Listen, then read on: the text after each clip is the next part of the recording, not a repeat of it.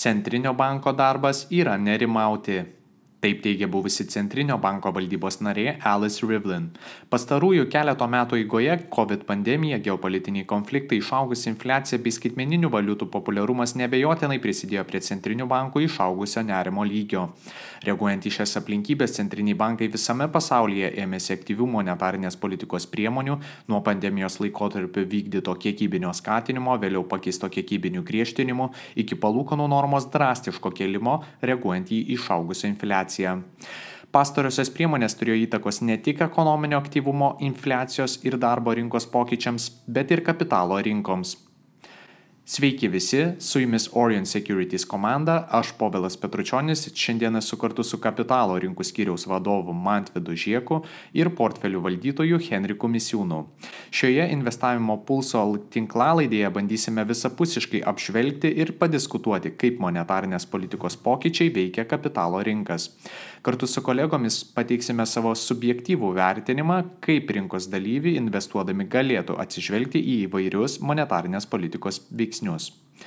Taip pat visiems klausantiems noriu priminti, kad tai nėra pasiūlymas pirkti, parduoti ar laikyti šioje tinklalaidėje minimus vertybinius popierius. Prieš priimant investicinį sprendimą rekomenduojame pasitarti su jūsų finansų konsultantu bei įvertinti visas su finansinė priemonė susijusias rizikas ar kitas jums reikšmingas aplinkybės. Na, o mūsų pokalbį norėčiau pradėti nuo aktualijų. Trečiadienį Liepos 26 dieną laukia dar vienas FOMC susitikimas, kurio metu tikėtina, jog Fed valdyba pati, pakels palūkanų normą 25 baziniais punktais iki 5,5 procentų lygio. Tokiam scenariui rinkos dalyviai šią dieną duoda 99 procentų tikimybę. Tačiau žvelgiant šiek tiek į priekį, ko jūs patys tikėtumėtės per likusią metų dalį, tai yra Ar galėtume sulaukti iš tikrųjų ir antro palūkanų normos pakilimo, atsižvelgiant, jog infliacija Junktinėse Amerikos valstijose susitraukė iki 3 procentų, o eurozonoje iki 5,5. Mantvidai, ko, ko pats asmeniškai tikiesi? Iš rinkų tai tikėčiausi iš tikrųjų, kad dabar artimiausių metų, galbūt šią savaitę bus pasikoregavimas kažkoks. A, tada rinkos pamatys, kuriuose lygiuose laikosi ir turbūt panašiuose lygiuose šios metus ir baigsim. Jeigu infliacijos lygiai nepradės kilti metų galą, nes yra tokių spėlionių, tai galbūt kažkokios didesnės korekcijos ir nebeturėsime, o galbūt turėsime ir didesnį kilimą. Nes dabar, kas kilo rinkose, tai kilo daugiausiai didelės kapitalizacijos technologijų kompanijos, o mažos kapitalizacijos kompanijos tai yra ta, kuri yra atkilusi šiek tiek daugiau. O kaip dėl pačios palūkanų normos, tikėtumės, jog šiais metais dar bus keliama antrą kartą ir aplamai, pažiūrėjau, net ir kalbant apie sekančius metus, ar įsivaizduoji, kad palūkanų norma jau bus gana greitai nuleidinėjama, ar tai bus daroma iš lėto, koks tavo požiūris? Dėl palūkanų normos kelimo, tai manau, kad dar pakels turbūt ir po šito karto, tai ta prasme du kartus bus dar pakelta, o kit, tada spėčiau, kad bus pauzė padaryta ir po truputį pradėta mažinti. Ryšium su to, kad tiesiog paskubėjus ir per anksti pradėjus mažinti palūkanų normas, galim turėti vėl infliacijos šuolį ir tada jau rinka sureaguotų pakankamai turbūt negatyviai. Supratau, Henrikai, kaip, kaip tu vertini, kokia galima dinamika palūkanų normas, galbūt dar gali pakomentuoti, ko tikėtumėsi e, iš Europos centrinio banko. Tai kalbant apie Amerikos rinką, tai realiai Fedas sako taip, kad jūs nesitikėkite, kad mes čia staigiai pradėsime mažinti. E, rinka kažkaip labai pozityviai vertina, kad jie anksčiau pradės mažinti tos palūkanų normas, negu jie patys sako, bet aš pritariu Mantvidai, kad jie tikrai dar bekeldami darys pauzes. Pilnai įsivaizduoju, kad kitais iki kinų metų pradžios pamatytume gal net ir 6 procentus palūkanų normas Amerikai. Nes realiai tik dabar, vat, prie šitų dabartinių lygių pradėjom jausti, kad e, palūkanų normos kelimas atlieka savo funkciją, tą pasiskirtą. O Europą, Europą aš manau, kad kitais metais, e, šių, šiais metais ir kitais metais kels tas palūkanų normas ir, ir tikrai nesivadovaus, pavyzdžiui, Amerikos, nes visiškai kitaip jinai gyvena. ir Europai skaudės labiau negu Amerikai, manau. Na, įdomi tema, manau, kad dar šiek tiek vėliau įsiplėsim, bet dabar jau link, e, linkstant link mūsų e, pagrindinės temos, tai yra kapitalo rinkų ir monetarinės politikos ryšio nagrinėjimo, tai galbūt galėtume padaryti prieigą pirmiausia per ekonominės tokios teorijos perspektyvą, Henrikai ir pats asmeniškai, tarkim, pritarė monetarizmo požiūriu, jog pinigų kiekis yra pagrindinis veiksnys lemiantis ekonominio aktyvumo lygį, todėl pinigų kiekio reguliavimas yra veiksmingiausia priemonė veikti makroekonominius procesus. Koks tavo pačio požiūris yra? Monetariniai įrankiai, e, quantitative easingas, e, quantitative tighteningas tikrai e, yra labai efektyvūs įrankiai spręsti trumpalaikės problemos. Jie iš savęs ilgalaikiai perspektyvai sukuria gal net ir papildomų rūpešių, bet šiuo metu, kaip ekonomika veikia, tai taip, tai, tai yra viena, vienas esminių dalykų, kaip galėtume įsivertinti, ar per ateinančius, pavyzdžiui, 12 mėnesių kapitalo rinkos auks ar trauksis.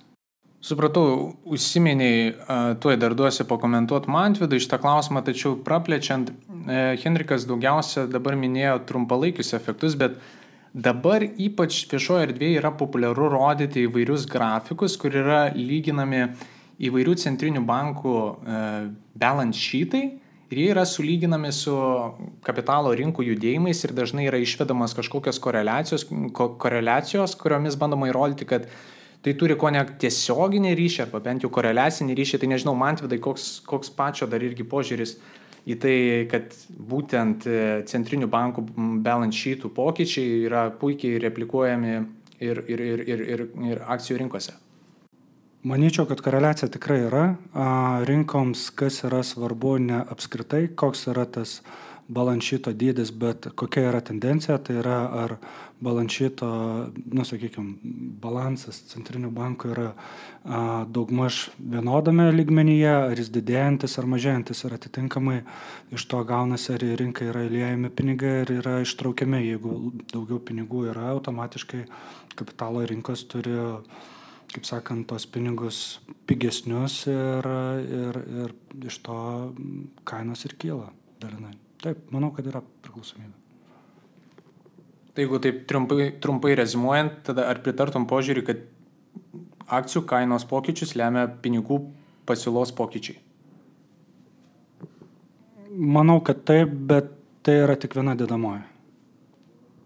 Supratau. Iš investuotojų perspektyvos, į kokius tuos monetarnės politikos veikimo arba veikimo instrumentus uh, labiausiai verta atsižvelgti. Vienas jau paminėjom, tai yra palūkanų normas, antras tai yra atvirosios tos operacijos ir balance šitų sėkimas. Ir dar galima įvardinti vieną irgi iš svarbesnių arba populiaresnių, tai yra privalomųjų atsargų kredito įstaigoms lygį. Tai principė, jūs kaip investuojantis, ką sakytumėt, į ką yra vertingiausia atsižvelgti ir aplamai, ar verta sekti šiuos rodiklius?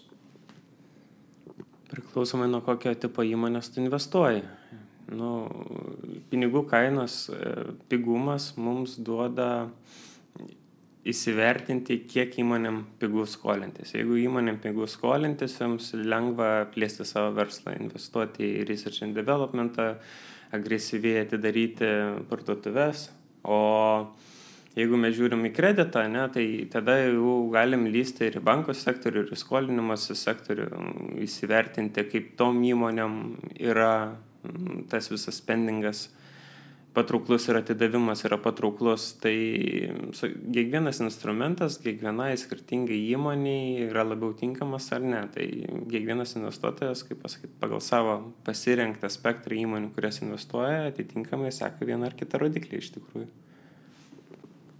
O investavimo laikotarpio atžvilgiu, ar yra skirtumas, kokio laikotarpio tu esi investuotojas? Tai yra, ar jeigu tu esi ilgo laikotarpio investuotojas, galbūt tau iš vis nereikėtų kreipti dėmesį į artimiausio laikotarpio e, monetarinės politikos perspektyvas?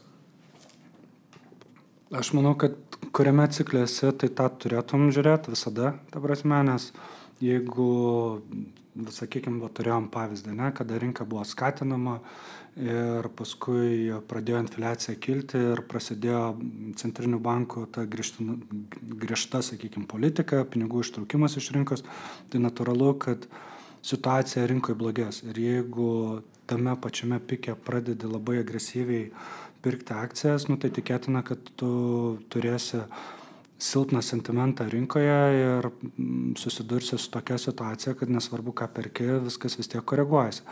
Ar ta korekcija yra, kaip sakau, tragedija, nu, nėra tragedija, ta prasme, tik tais reikės paskui laiko, kad tos akcijos atkiltų. Tai jeigu investuoti pradedi tada, kada centriniai bankai tik pradeda skatinamąją politiką, tai tikėtina, kad nu, ką be pirksi, bus ant geros bangos, ką mes turėjom beveik 10 metų kilimo rinkoje ir kilsi kartu su visa rinka. Aš ten norėčiau dar papildyti Mantvidą e, prie šitos vietos. Yra toks pasakymas, kad e, nekovok su Fedu, ne? E, don't fight the Fed. Ir jo to pasakymo toks implikavimas tai yra, kad realiai jeigu Fedas didina palūkanas, tu išidinėk iš savo pozicijų. Tai šitas dalykas 22 metais taip jis tikrai veikia, o 23 metais atrodo visi jau jį užmiršo. Ir, kaip pasakyti, nu, matome nuo akcijų indeksų realiai pakilimo, kad šie metai, nu, įspūdingai geri yra. Jeigu neklystu, gal jie net 13 geriausi metai, pirmas ketvirtį, pirmą pusmetį žiūrint. Bet žiūrint visiškai į istorinius duomenis beveik šimtą metų atgal, tai iš tikrųjų taip ir yra, kad e, kai Fedas taitina e, savo mm, policy, investuotojai agresyviai perka nu tą vadinamą dipą, nu, pokrytį. Tai ir istoriškai tai veikdavo. Aišku, istorija neparodo, kad ateitie taip pat bus, bet šiuo metu investuotojai labai pozityviai žiūri į ateities perspektyvas. Taip, tai dar Mantvidas susiminė apie tą didelį kontrastą, kurį šį dešimtmetį ko gero turėsim lyginant su praeituoju dešimtmečiu, kuomet e, palūkanų normos ilgą laikotarpį buvo praktiškai nulinės.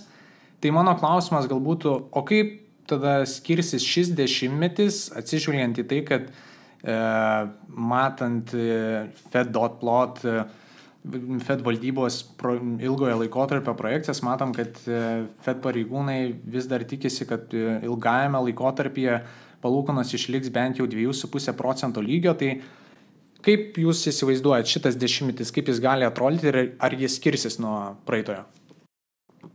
Aš manau, kad žiūrėti į, prognozes dešimties metų yra toksai šiek tiek būrimas iš kavos tirščių, nes prisiminkime, kas buvo su, su pačiu Fedu, kai skatinimo rinkose baigė tik tais kovo mėnesį ir, ir kai buvo šnekama, kad infliacija yra tik tais laikina, o paskui patapo jau nebelaikina, su kuria reikia pakankamai agresyviai kovoti ir greitai ir taip toliau. Tai Aš manyčiau iš tikrųjų, kad ateinantis dešimtmetis bus ne ką blogesnis negu mes turėjom.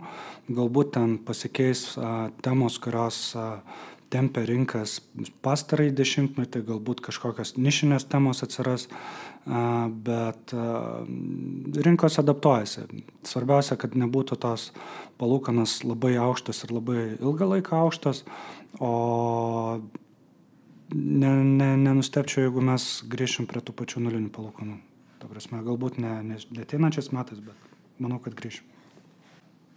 Mm, kadangi mano, sakykime, tokia istorinė patirtis buvo daugiausiai su technologijų sektorium, tai kuom pasikeitė galbūt investicijų pasirinkimas nuo ankstesnių laikotarpių, tai kad daug daugiau žiūriu kad įmonė dirbtų pelningai, kad nebūtų labai stipriai užskolinta ir kad turėtų aišku produktą. Ta prasme, kas važiavo 21 metais, tai yra, kad tiesiog pirkai net ne įmonė, bet pirkai beta, tai yra aukšta volatility lyginant su rinka, kad jeigu rinka kyla procentų, tai tikėsi, kad aukštos betos įmonė pakils daugiau ir, ir tas pasiteisino, tai tas šiuo momentu neveikia ir taip elgtis negalima, nes pinigų kaina yra brangi ir, ir tos įmonės, kurios yra sakykime, dirbančios nuostolingai, nu jos yra potencialus kandidatai galbūt neišgyventi. Tai, tai nu, tiesiog pasirinkimo atveju labiau žiūriu, kad įmonės būtų dirbančios pelningai.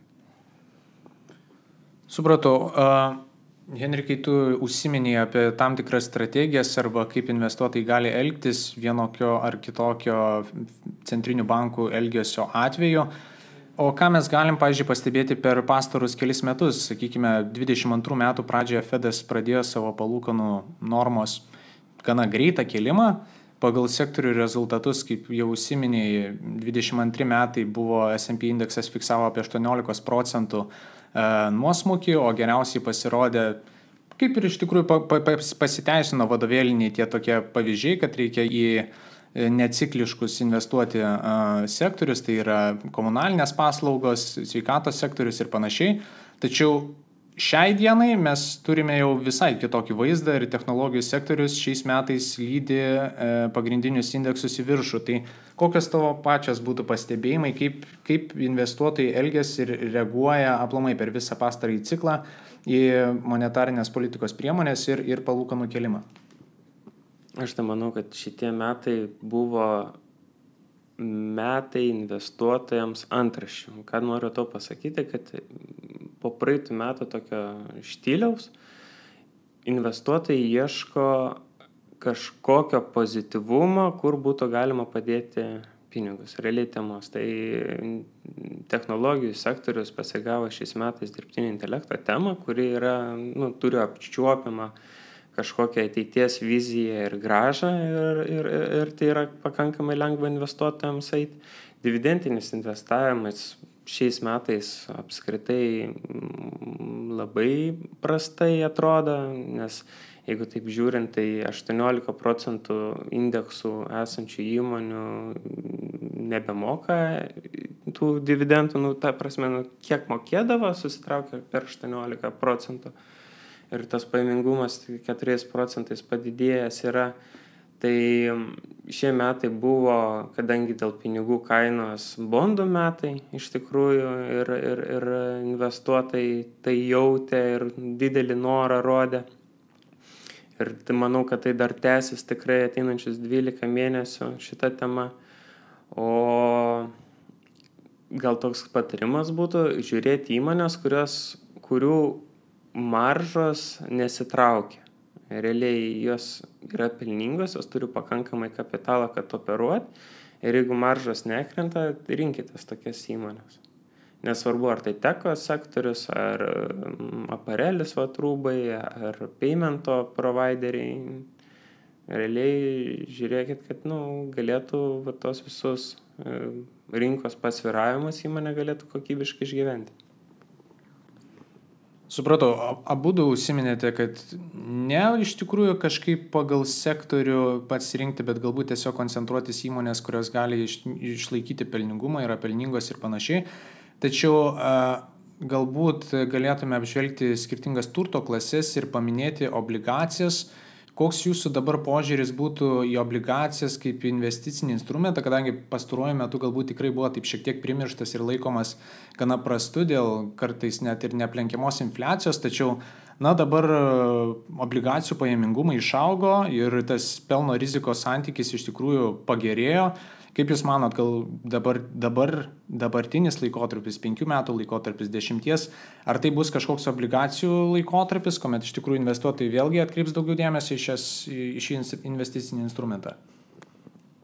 Aš manyčiau, kad iš tikrųjų mes galbūt esame tame taške, kada arba nusipirkai obligacijas ir užsifiksavai pajamingumus, arba praleidai puikią progą tą pasidaryti, nes uh, palūkanų labai aukštų turbūt, kad centriniai bankai nesistengs laikyti. Nu, Europa turi kitokią situaciją, Europos infliacijos lygis yra ženkliai aukštesnis, tai dar tas palūkanas turbūt kels ir kitais metais. JAV situacija geresnė, bet iš esmės aš manau, kad šie ir sekantis metai yra tie metai, kada reikia pirkti obligacijas, nes istoriškai žiūrint tas pats SMP, tai yra JAV 500 didžiausių kompanijų indeksas, generuodavo apie 9 procentus vidutinę metinę gražą, 90. Tai šiuo momentu įsigyti obligacijas tikrai pakankamai geros kokybės ir su dviženkliu pajamingumu tikrai galima, ko seniau nebuvo galimybės ir, ir tą gražą galima užsifiksuoti ir turėti keliam metam į priekį. Kaip ir prieš tai pasiminė, paminėjau, kad per ateinančius 12 mėnesių dar manau, kad neišnaudota terpė investuotojams. Supratau. Dar šiek tiek grįžtant Mm, Henrikai, kai komentavai šio pusmečio e, kapitalo rinkų dinamiką, sakai, kad tai yra antraščių pusmetis tam tikrą prasme. Tačiau taip labai paprastai, ar galėtumėte rezimuoti, kaip mes galime paaiškinti šio pastarojo pusmečio tokį e, indeksų augimą, kai viena vertus mes turime aug, augančias palūkanų normas, artėjančios galimai artėjančios recesijos nuotaikas, Kaip, kaip rinkos ir kodėl vis dėlto šį pusmetį galėjo taip, taip stipriai kilti? Tai tema, kurią Henrikas prieš tai ir minėjo, buvo dirbtinio intelekto tema. Kodėl kilo dirbtinis intelektas? Tai dėl to, kad vėlgi, kaip ir buvo minėta, buvo ieškoma kažkokių tokių įdomesnių temų, kas čia galėtų būti tie perliukai rinkoje, kai rinkos yra pakankamai silpnos. Tai technologijų sektorius, tai didėjai bliučipai, jie yra tikrai su pakankamais gerai, gerais, pakankamai gerais balansais, gerų pajamingumų ir pelningumų ir, ir, ir stabiliais verslais ir jie ir buvo tie, kurie patempė visus tos indeksus, o kadangi na, tų keletos kompanijų svertinė įtaka bendrajam indekso pokyčiui yra tikrai labai didelė, taip ir gavosi, kad tos kelios kompanijos užtempė visus indeksus į viršų. Taip, šiek tiek dar norėtųsi irgi sugrįžti ir pakalbėti apie istorinius pavyzdžius. Ar iš tikrųjų turime mes kokiu nors panašių e, pavyzdžių, kuomet ekonomika buvo panašioje stadijoje ir, ir tos pačios palūkanų normos buvo aukštos, kaip prie tokių sąlygų anksčiau iš tikrųjų reagavo akcijų rinkos. Galbūt galėtume susidaryti kažkokią bent jau prielaidas arba įspūdį, ko galėtume tikėtis. Mm. Istoriškai, nu, jeigu tai paimti gal nuo kokių 54 metų e, ir taip statistiškai vertinant tai kvartilės, e, kiek keldavo tas palūkanas, tai jeigu įmamės vidutinę tą kvartilę, tai kad yra apie 5 procentų tas palūkanų normas, tai visą laiką rinkos metų bėgiai jau būdavo apie 8 procentus, pliuso 3 metų bėgiai jau 12, 5 50. Tai realiai kiek be pasižiūrėti tą istorinius visus um, laikotarpius, dienos pabaigoje žmonių noras ir įtikėjimas šviesesnių rytojų, kad ekonomika auks, kad gyvenimas bus geresnis, atpirkdavo bet kokį, mm, nu, va, tą palūkanų normos kilimą, sakykime, tai prieš tai ir pa, paminėjau, kad tas pasakymas don't fight the Fed istoriškai priešingai, jeigu darydavai, long termų išloždavai. Tai... Aš galbūt dėl taimingo tik tais nesutikčiau, tai yra su to įėjimu į rinką, kad jeigu tik Fedas pradėjo kovoti su rinka ir tu pradėsi investuoti, galbūt būsi per anksti padaręs tos žingsnius bet kai, kai Fedas nuspaudžia rinkas, tai iš tikrųjų yra geriausias momentas apsipirkti. Ta turbūt, ką Henrikas ir nori pasakyti. Man dar irgi stebint pastarus kelis metus e, šitos monetarnės, sakykime, politikos vertinimą ir galbūt viešojo erdvėje, kaip buvo rašomi ir autoriniai straipsniai ir panašiai, man vienas įdomiausių aspektų buvo tai, kad ko ne visą laiką rinkos investuotojų vertinimas ir Fed politikų pažadai arba projekcijos numatomi mm, palūkanų normos lygiai prasiskyrė. Tai yra, kad investuotojai visada tikėdavosi, kad e, Fedas kels mažiau palūkanas, negu jie žada. Kodėl susidarė toks įryškinys ir net ir šiai dienai iš tikrųjų mes turime tą pavyzdį, kad Kaip ir birželį leido e, valdybos pirmininkas Jerome Powell e, suprasti, kad tikėtina, jog turėsime dar du palūkanų normos e, pakelimus, bet investuotojai šią dieną tokiam scenariui duoda tik 28 procentų tikimybę. Tai kodėl taip gali būti? Mm, šitą temą iš tikrųjų turėjau tokią įdomią diskusiją kas, kaip Fedas elgėsi, kodėl taip elgėsi ir panašiai, nes, pavyzdžiui, tas pats ekonomikos skatinimas, kuris tęsiasi iki kovo mėnesio, ne, kur tas obligacijas nustojo pirkti, nors infliacija buvo jau virš 5 procentų, kas rodo, kad jau, jau, jau seniai nebereikėjo skatinti rinkos, o jin vis dar buvo skatinama. Tai vieno iš mano pašnekovų, amerikiečių, mintis buvo tokia, kad iš tikrųjų, kai pradėjo kilti infliacija, tai Fedo ankstyvas sprendimas pradėti kelt palūkanų normas būtų tiesiogiai įtakojęs pačio Paulo karjerą ir dėl esamos situacijos, galbūt dėl kažkokios rinkos korekcijos, tai jisai būtų turėjęs prisimti visą atsakomybę, o kada palūkanos buvo pradėtos kelti tik tais vėliau, kai visi pamatė, kad visgi infliacija yra aukšta ir kad jau reikia su ją kovoti, Paulas tar, tapo tarsi gelbėtas. Tai šitoje vietoje, kodėl prasiskiria, sakykime, rinkos nuomonė nuo Fedo nuomonės, tai turbūt, kad yra rinkos dalyviai galbūt turi savo pasiskaičiavimus, turi savo vizijas ir, ir panašiai. Ir dažnu atveju supranta, kad Fedas vieną dieną pasakęs, kad darysim taip, o ne kitaip, nebūtinai išlaikys tą pačią nuomonę už mėnesio ar dviejų. Tai, tai, o rinka tiesiog yra linkusi matyti pozityviau viską arba priešingai, jeigu rinkoje yra kažkokia korekcija ženkliai blogiau, tai yra linkusi į kraštutinumus negu yra iš tikrųjų. Tai šioje vietoje aš manau, kad tiesiog rinka šiek tiek jau yra susitaikiusi su to aukštesniu palūkanų lygiu, mato, kad infliacija mažėja ir, ir natūralu, kad jeigu infliacija mažėja, tai galbūt ir tų palūkanų nebereikėtų kelt. Dabar Fedas tiesiog žiūri, ar, ar tas stabdymas su palūkanų normom, su to kelimu, ar, ar nebus per ankstyvas. Tai tiek. Jo, Henrikai, o tau atrodo tai sentimentas ar skirtingi kažkokie ekonominiai modeliai, kodėl tas vertinimas prasiskirt gali? Aš tai manau, kad, aš tai manau, kad e, Fedas ir apskritai visi centriniai bankai reaguoja į veiksmą, kuris įvyksta.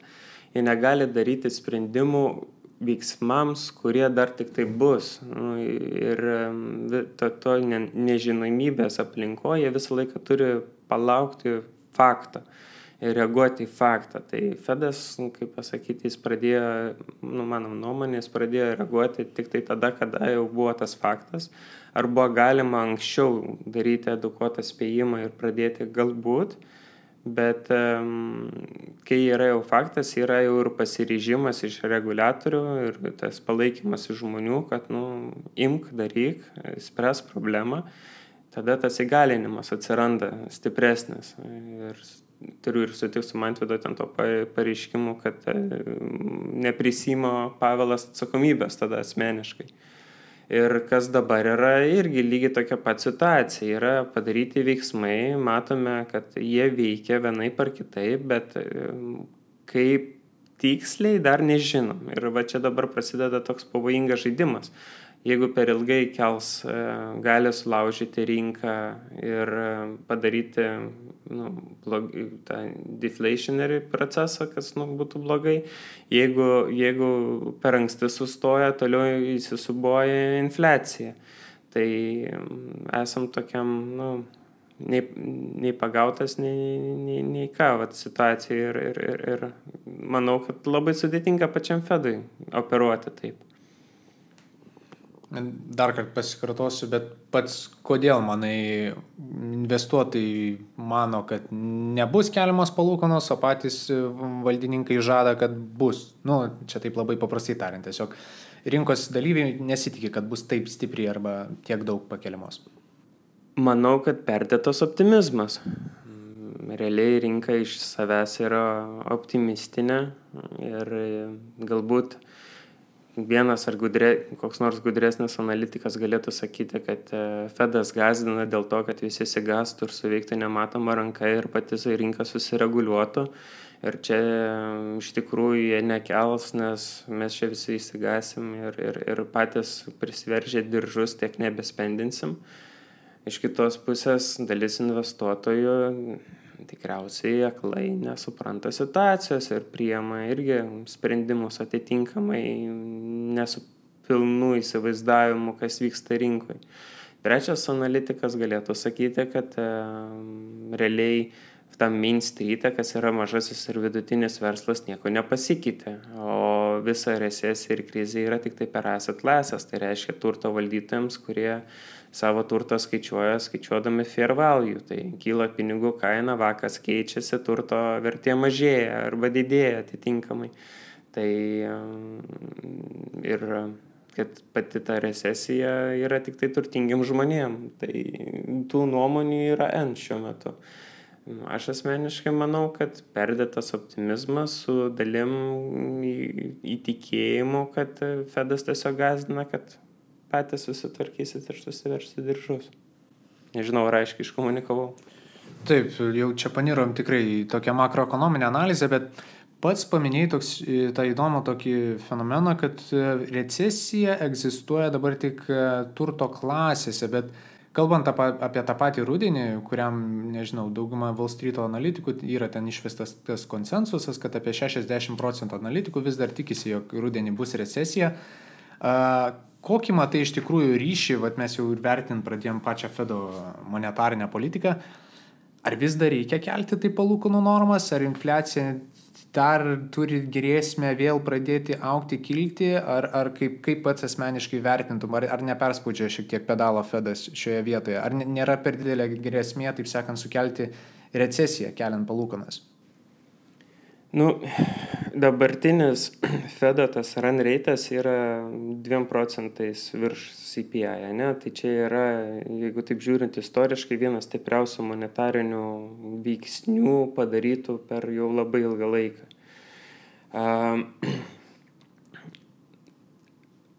Man asmeniškai būtų labiau patikę, kad Fedas greitesnių tempų būtų pačioj pradžioj pakėlęs, e, nuskausminės rinką ir, ir, ir, ir davęs jai prasivalyti taip natūraliai. Dabar turim situaciją, kai realiai, galim sakyti, išplūkiam, bet e, vėl lieka grėsmė nemokumo.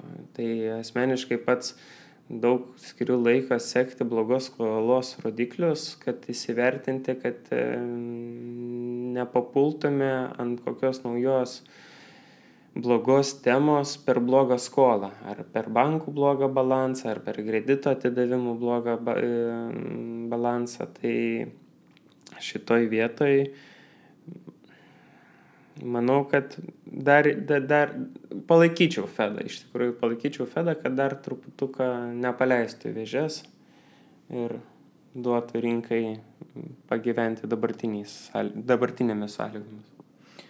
Gerai, grįžkim šiek tiek į kapitalo rinkų temą. E, dar labai paprastai tokia trumpa, galbūt net apžvalga ar santrauka. Dabar turime Fed e, palūkanų normą 5,25. Ką tai reiškia vidutiniai įmoniai, per kur ją paveikia? Ar tai yra diskonto faktorius, ar jūs finansiniai įsipareigojimai pabranksta? Kas, kas nutinka realiai, taip labai paprastai žodžiais, vidutiniai įmoniai, kai pakyla palūkanų norma, kuri gali turėti mm, įtakos, jau mes čia kalbėjom, va, būtent akcijų kainai. Tai per kur iš tikrųjų yra paveikiama ta įmonės rezultatai? Mm, tai dauguma įmonių vis tiek veikia naudodamos skolą, vadinkim taip, ar tai būtų bankinės paskolos, ar tai būtų a, obligacijos ar kažkas tokio, ir jeigu pas tave prieš tai buvo a, labai pigus pinigai ir iš to išplaukdavo, kad turi didesnės maržas, tai dabar, sakykime, pakilus pinigų kainai galbūt to pelno nebeturi. Ir tas labai matosi per nekilnojamo turto fondus ir, ir, ir tas, kas, sakykime, nu, iš principo nekilnojamo turto fondai turbūt labiausiai aptarinėjami paskutiniu metu, nes a, daugelis turėjo tą verslo tokį modeliuką, jeigu jį galima pasakyti, taip pavadinti, sakykime, kai perkamas būstas, jisai yra išnuomojamas ir nuomininkas dengia tiek banko palūkanas, tiek lieka kažkokia pelno marža. Tai dabar pakilus palūkanų normom yra klausimas, ar tu gali pakelt atitinkamai nuomos kainą nuomininkui ir jisai bus pajėgus mokėti ir ar ta mokama nuomos kaina padengs tavo e, įmokas bankui. Tai iš to vėlgi išplaukia, kad jeigu tu esi finansiškai labai stiprus ir supranti, kad tas periodas yra laikinas, tai tu tą esamą periodą išgyvensi. Bet jeigu tavo balansas yra silpnas, tavo įsipareigojimai bankui yra didesni negu ir, sakykime, pinigų srautas mokėti ir aptarnauti paskolas yra didesnis negu gaunamos įmokos, nu, tai tu arba turi likviduoti dalį turto, arba, arba tiesiog bankrutuoji. Tai, tai šičia manau, kad tas pinigų brangimas, va, paprastuoju būdu ir veikia, kad a, tas, kas seniau galbūt apsimokėdavo verslo prasme daryti, tai dabartiniam kontekste, jeigu ten prieš tai buvo poros procentų marža ir buvo ok, tai dabar su, su labai maža marža galbūt jau to veiksmo kažkokio nebedarai. Ar, ar reikšmingai yra pasikeitęs rizikos lygis ir kaip, kaip, kokia jūsų asmeninis požiūris, kaip reikėtų jį mm, valdyti? Jeigu naujai pradedi investuoti, tai manau, kad neblogas metas pradėti. Jeigu jau esi susiformavęs portfelį praeitų metų viduryje, tai pasifiksuočiau kažkiek tų pelnų dabartinių, turėčiau šiek tiek daugiau pinigų ir galbūt pereičiau labiau ant indeksų gražos negu ant taktinių lokacijų. O jeigu randuosi jau tris metus neišsipardavęs, tai tada jau sunku vertinti situaciją, ką esi prisipirkęs. Bet šiuo metu tada irgi galbūt iki rugsėjo pasimažinčiau aktyves pozicijas. Aš tai gal, sakykime, truputėlį kitų kampų žiūrėčiau, aš manau, kad rinkose reikia būti. Ta prasme, čia nuo to turbūt mano prasidėtų atsakymas. Uh, Tada klausimas, kur tose rinkose būti, tai obligacijos tikrai įdomi tema ir manau, kad daugelis turėtų tą persvarstyti. Tada Henriko labai tokia man patikusi mintis buvo dėl indeksų, tai yra, kad tie, kas šis metais turbūt turėjo sėkmingų investicijų, tai dauguma sėkmingas investicijas turėjo iš tų paprastų vardų kaip Microsoftas, Apple'as ir panašiai. Tai artimiausiu metu bus dalies kompanijų rezultatų skelbimo periodas. Rinkos yra tikrai pakankamai aukštai, rizikos valdymo klausimais tiesiog pavienės akcijas keičiau indeksais. Plus 24 dieną bus Nasdaq 100 indekso perbalansavimas, kuris irgi gali įnešti šiek tiek galbūt nesumaišties, bet tokio neįprasto volatilumo rinkose tai e, pats indeksas gal neturės kažkokių tokių pasviravimų, bet e, pavienės akcijos tikrai gali turėti e, to volatiličio.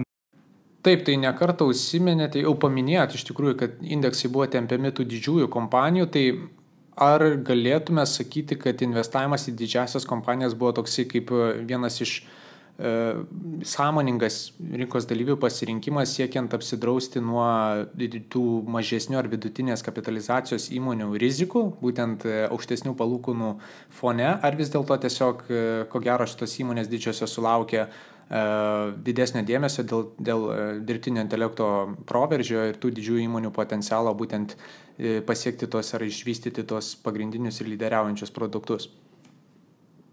Manyčiau, kad čia galėjo būti uh, ir taip ir taip atsiminiau vieną tokią lentelę kurią rodydavau čia prieš turbūt porą metų investuotojams tai buvo morgan stanley banko daryta lentelė kaip rinkos elgiasi tam tikrais infliaciniais periodais kai yra sakykim infliacija žemiau 2 procentų ir yra kylanti, kai yra virš 2 procentų ir kylanti, ir tada, kada yra žemiau 2 procentų krentanti ir kada yra virš 2 procentų ir krentanti.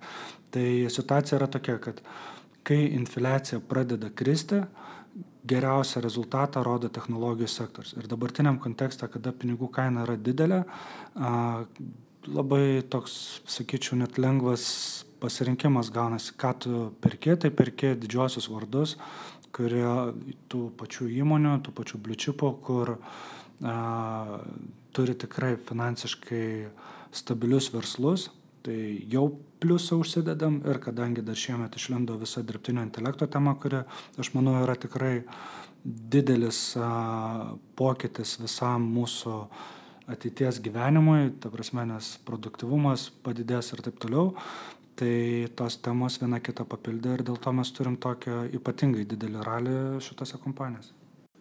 Ir gal pridurt, kad realiai ne, nesvarbu, kurį dešimtmetį žiūrėti. Ir jeigu taip žiūrėti į didžiųjų indeksų top 10 pozicijų, niekada nebūdavo blogas sprendimas į top 10 įmonį investuoti. Mm, gražos atžvilgių. Iki kol įmonė neiškrenta iš dešimtuko, visą laiką pasiteisina. Aš dar prisiminiau ir manau visai verta paminėti mūsų šitos temos kontekste Japoniją. Japonija iš tikrųjų visų šių metų eigoje ir praeitų metų eigoje, nepaisant viso pasaulio centrinio bankų, kad jie kėlė palūkanas į viršų, Japonijos palūkanos šią akimirką vis dar yra minus 0,1 Aišku, jie turi tikrai tas struktūrinės e, demografinės problemas, mažą vartojimą. Tačiau šie metai, šis pusmetis, Nikkei 225 indeksui buvo ypatingai geras, jei neklystu apie 27 procentai graža, tik tais reikia įsvertinti tai, kad Japonijos jena irgi nu, nuvertėjo apie 9 procentus, jeigu neklystu dolerio atžvilgiu. Tai mano galbūt klausimas būtų, mm, o kas koks jūsų požiūris ir ar žvalgotės už JAV ir Europos ribų, kaip visos, visos, sakykime, tos egzotinės arba besivystančios rinkos, e, ko iš jų galime tikėtis šio ekonominio laikotarpio ir monetarinės politikos ciklo etapu. Japonijos rinka labai yra kitokia ir šitam podcast'e nesu pakankamai pasiruošęs, kad kokybiškai pakomentuoti ją, tai giliau ir nelysiu. Turiu tikrai keliolika įmonių Japonijos, kurios man labai patinka ir aktyviai stebiu.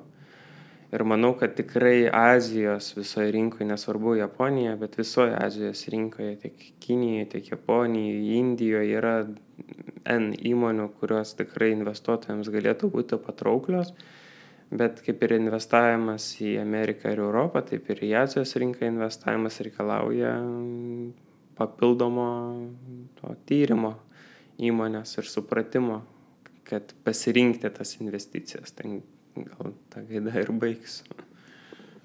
Kad jau žengėme į Azijos rinkas, galbūt paminėkime ir, ir, ir Kiniją. E, vis dėlto šį pusmetį arba net šį ketvirtį šio, ši ekonomika demonstravo kiek prastesnius, neįtikėtus rezultatus ir nemažai investuotojų ir verslo atstovų duoda spaudimo Kinijos institucijoms, pagalbos, stimulų ar kažkokiu kitokiu ekonominio skatinimo priemonių. Ir man, aš norėčiau paklausti tiesiog, kaip jūs vertinat šitas perspektyvas e, dėl ekonominio skatinimo priemonių, kurias gali ateiti iš Kinijos vyriausybės, gal, ar galėtų iš tikrųjų reikšmingai prisidėti gal vėl prie likvidumo padidinimo tiek kapitalo rinkose, įliejant vis kažkokią reikšmingą pinigų dalį į rinką iš Kinijos institucijų? Mm, prisipažinsiu, nesu labai pasiruošęs šią dieną Kinijos klausimu, bet Kinija iš principo turi daug struktūrinių problemų ilgą laiką apskritai vakarų pasaulis Kinijos atžvilgių tą rinką laikė kaip neinvestuotiną rinką ir dabartinės skatinimo priemonės jos gali būti labai laikinos, o ar ilgesnį kažkokį poveikį padarys, nežinau. Plus vėlgi su kinais yra daug labai niuansų, nes dažnu atveju ataskaitos netitinka teisybės, čia vienas dalykas, iš to išplaukia vėlgi, jeigu yra, kažkokia, yra kažkoks precedentas dėl ataskaitų finansinio klastojimo, tai kinietiškų kompanijų patraukti atsakomybę nelabai gaunasi vakarų pasauliui. Tada trečias dalykas yra labai didelis valstybės kišimasis į įmonių veiklą. Čia, vat, ką mes turėjom paskutinius kelius metus su Alibaba kompanijos akcijom, kur kompanijos rezultatai tikrai, žiūrint per balansus, per, per finansinės ataskaitas puikus, bet politinis spaudimas padarė tai, kad nu, kompanijos akcijos kaina nukrito nuo 300 iki žemiau 100 dolerių už akciją. Tai, Nežinau, aš asmeniškai likčiau su vakarų pasaulio kompanijom, ta prasme, savo portfelį, o jeigu kažkas nori investuoti į Kiniją, tai tą turėtų suprasti, kad rizikos laipsnis ten yra ženkliai aukštesnis.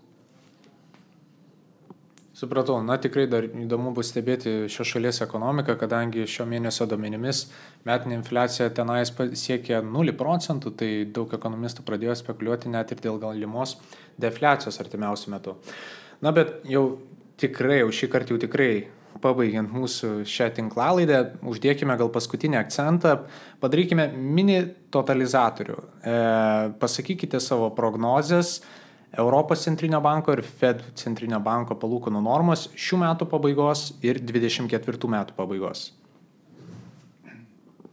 Jeigu vienas iš mūsų investuotojų, su kurio bendravom, klausosi, tai labai puikiai atsimins mano prognozijas praeitais metais trakose, kai aš sakiau, kad Europos centrinis bankas nepakels daugiau negu 2,5 procento, bet va, turim ženkliai aukštesnės palūkanas.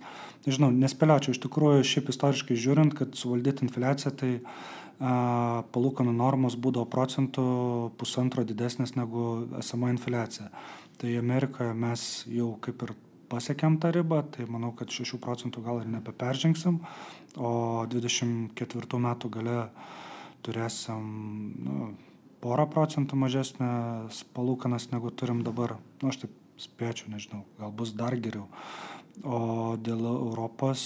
Uh, sunku pasakyti, labai labai priklausys, kaip, kaip, kaip pavyks suvaldyti infliaciją, nes yra įvairių tų tokių pamastymų, kad infliacija grįž kartu su šia ateinančia žiema.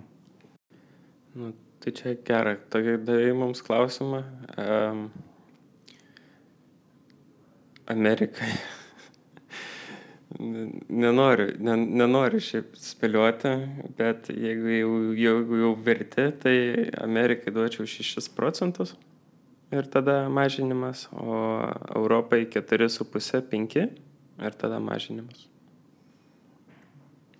Aš žinau, kad skamba prastai, bet e, man rodas, šiai dienai tikėčiau tokiu scenariu.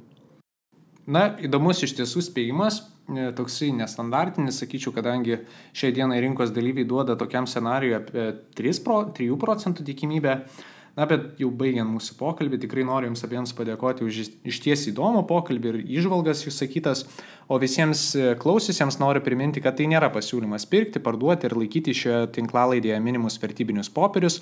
Prieš priimant investicinį sprendimą rekomenduojame pasitarti su Jūsų finansų konsultantu bei įvertinti visas su finansinė priemonė susijusias rizikas ir kitas Jums reikšmingas aplinkybės.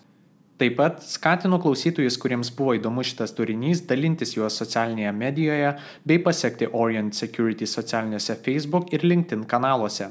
Taip pat su Orient kapitalų rinkų komanda kiekvieną pirmadienį paruošime svarbiausių kapitalo rinkų įvykių apžvalgą, kurią galite prenumeruoti mūsų LinkedIn puslapyje arba mūsų internetinėje svetainėje adresu orient.lt pasvirasis brūkšnys subscribe. Mums taip pat įdomu išgirsti, kokios kapitalo rinkų temos, sektoriai ir tendencijos jūs domina. Tad rašykite komentaruose ir mes atsižvelgsime į tai, kurdami laidas ateityje. Su jumis buvo Orient komanda, aš Povilas Petručionis, Henrikas Misiūnas ir Mantvidas Žiekas. Dėkoju, kad klausėte ir iki kitų kartų.